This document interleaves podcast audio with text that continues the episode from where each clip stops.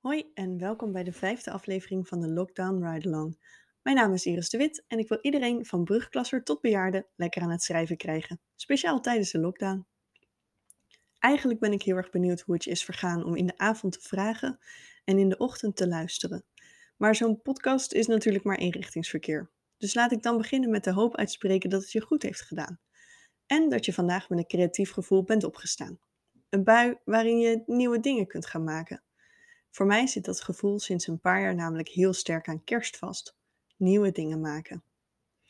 Een paar jaar geleden kreeg ik namelijk een soort kerstkindje. Zoals je weet wordt tijdens de kerst traditiegetrouw het kerstspel opgevoerd. Vroeger deed ik dat al bij mij op school. Ik ging naar een katholieke school en in de laatste schoolweek voor de vakantie gingen we altijd naar de kerk om samen te zingen en het kerstspel op te voeren. Ik vond het altijd erg indrukwekkend en mooi om naar te kijken, zelfs al was het ieder jaar ongeveer hetzelfde dezelfde liedjes, dezelfde toneeltekst. Het zou me niet verbazen als zelfs de tekst die de pastoor uitsprak hetzelfde was. Hoe anders was dat op de middelbare school? Op mijn school in Zoetermeer werd een groot kerstconcert op poten gezet dat een keer vijf werd opgevoerd. Er waren klassieke muziekstukken, moderne pop en meestal ook wel een stukje toneel daarbij. Er was één jaar waarin een paar jongens een prachtige uitvoering van het eh, jazznummer Take 5 speelden. Ik zat achter het podium in de, de ruimte waar we ons omkleden. En het was zo mooi. En sindsdien moet ik, als ik dat liedje hoor, altijd aan Take 5 denken. Uh, nee, als ik Take 5 hoor, moet ik aan kerst denken.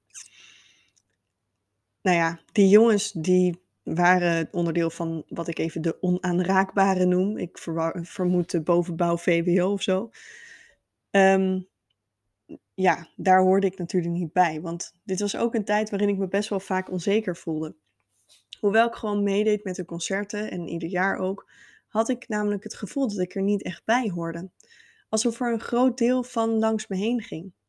Of ja, het ging niet echt langs mij heen, maar ik had meer het gevoel alsof ik langs de rest heen ging. Ik denk dat we het tegenwoordig zouden omschrijven als een leerling die zich niet zo gezien voelde. Nu, als moeder en als docent, probeer ik mijn kinderen te zien. Zowel nou ja, mijn eigen kinderen als leerlingen. Maar ook bij mij zullen er vast leerlingen bij zitten die dat zelf niet zo ervaren. En waarschijnlijk zullen ook mijn kinderen zich niet altijd even gezien voelen. Ik hoop dan maar dat ik daar op tijd achter kom. En nou ja, dat ik ze alsnog kan helpen in de loop van het schooljaar of in het geval van mijn kinderen hun leven. Uh, en anders nou ja, wens ik ze een hele goede therapeut uh, toe voor later. Um, en ik denk dat die ze dan zal leren dat het het belangrijkste is om jezelf te kunnen zien. Maar goed, ik dwaal af. Die kerstconcerten dus en ook de kerstviering op de basisschool waren niet bepaald mijn kindjes te noemen, al vond ik ze fantastisch.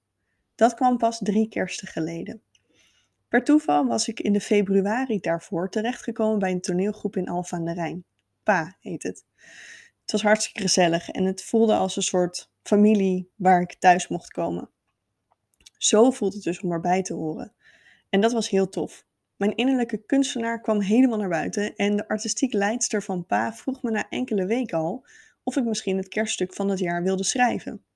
Ik weet nog steeds niet waar ze het vandaan haalde, maar nou ja, ik zei wel ja. Ieder jaar speelt deze toneelgroep, nou niet de afgelopen twee jaar natuurlijk, een kerststuk. En dat stuk is gebaseerd op een ander stuk, bekend verhaal of een boek of soms ook zelf bedacht. En in het jaar dat ik het schreef, zouden we een bewerking maken van De Heksen van Roald Dahl. Roald Dahl is een van mijn favoriete schrijvers en ik heb een biografie over hem. Het heet Roald Dahl's Schatkamer en het is de eerste biografie uit mijn collectie. Ik denk dat ik tien jaar was toen ik hem kreeg voor Sinterklaas. Ik wilde hem echt heel graag. En het is ook by far het boek in mijn leven waar ik het aller, allergelukkigst mee was ja, toen ik hem kreeg. Um, ja, ik zit even zo met de schuin nog naar mijn boekenkast te kijken, maar dat, dat is echt nog steeds zo. Ehm, in ieder geval, ik schreef dus dat stuk, uh, gebaseerd op de heksen. En ik had het daarin vooral over de relatie tussen het echtpaar dat het hotel waar het zich afspeelt met hun dochter heeft. Uh, het werd echt een, ja, een hilarisch stuk. Uh, de première was in de week voor kerst en ik was echt zo blij. Ik liep gewoon op wolkjes. En op tweede kerstdag was de laatste voorstelling, een matinee. Nog één keer gingen we met z'n allen de planken op. nog één keer werd mijn stuk gespeeld en het was echt, ja, ik was heel trots. En ja, traditiegetrouw, dat gebeurt heel veel mensen na een toneelstuk dat meerdere keren op is gevoerd en waaraan je maanden hebt gewerkt. Ehm, nou, hebben we elkaar aan het eind van het stuk allemaal uh, omhelst en zijn we in huilen uitgeparsten. Ja, ons kindje was opgevoerd en het was klaar. Hierna zouden we niet meer spelen. Dit jaar en ook vorig jaar heb ik geen toneelstuk geschreven vanwege corona.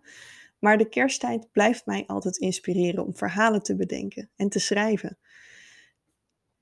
En ja, dat ga je vandaag ook doen. Vandaag doen we weer twee oefeningen waarin je lekker veel van je creativiteit kwijt kunt. Je begint weer met vijf minuten vrij schrijven. Zet je wekker, pak je schriftje, schrijf, schrijf, schrijf. Ehm, je weet inmiddels hoe het werkt. Gewoon vijf minuten alles opschrijven wat in je hoofd komt. Daarna wordt het tijd voor je eigen kerstkindje. Je schrijft een kerstverhaal. En ik denk zelfs dat je mag zeggen, je schrijft het kerstverhaal. Je mag het gewone traditionele kerstverhaal gebruiken. Dus van uh, Jozef en Maria die nergens naar binnen konden, in de stal kwamen, kindje Jezus wordt geboren, drie heiligen, bla bla bla. Lekker eerbiedig, sorry voor mensen die gelovig zijn. Um, maar je geeft dat helemaal op je eigen manier weer. Je mag het moderniseren, van een totaal andere kant aanvliegen. Misschien is je hoofdpersoon wel een van de houders van de herberg. Um, misschien uh, komt Jezus wel helemaal niet. Of um, gebeuren er allerlei rare dingen. En je mag het ook gewoon lekker traditioneel vertellen. Het is een hele goede oefening ook om een verhaal dat al bestaat gewoon te vertellen zoals het in jouw hoofd zit. Dat is gewoon fijn om even je schrijfkunsten te oefenen. Als er maar nieuw leven in voorkomt, want dat is volgens mij de boodschap van kerst. Uh, nieuw leven en licht. Ja, de ster vind ik daarin, uh, van Bethlehem, vind ik daarin een hele mooie metafoor um, voor nieuw licht iets om naar uit te kijken. En ik vind dat ook wel passend voor in deze tijd. Um, ik heb nog een kleine update over de kitten. Die hebben we inmiddels Kareltje genoemd.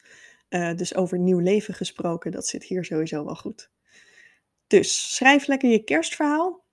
Ik wens je veel plezier met het schrijven. Ik hoop dat je maandag weer meedoet. Weekend sla ik over. Uh, maandag gaan we het hebben over leftovers en uitbuiken. Fijne kerst!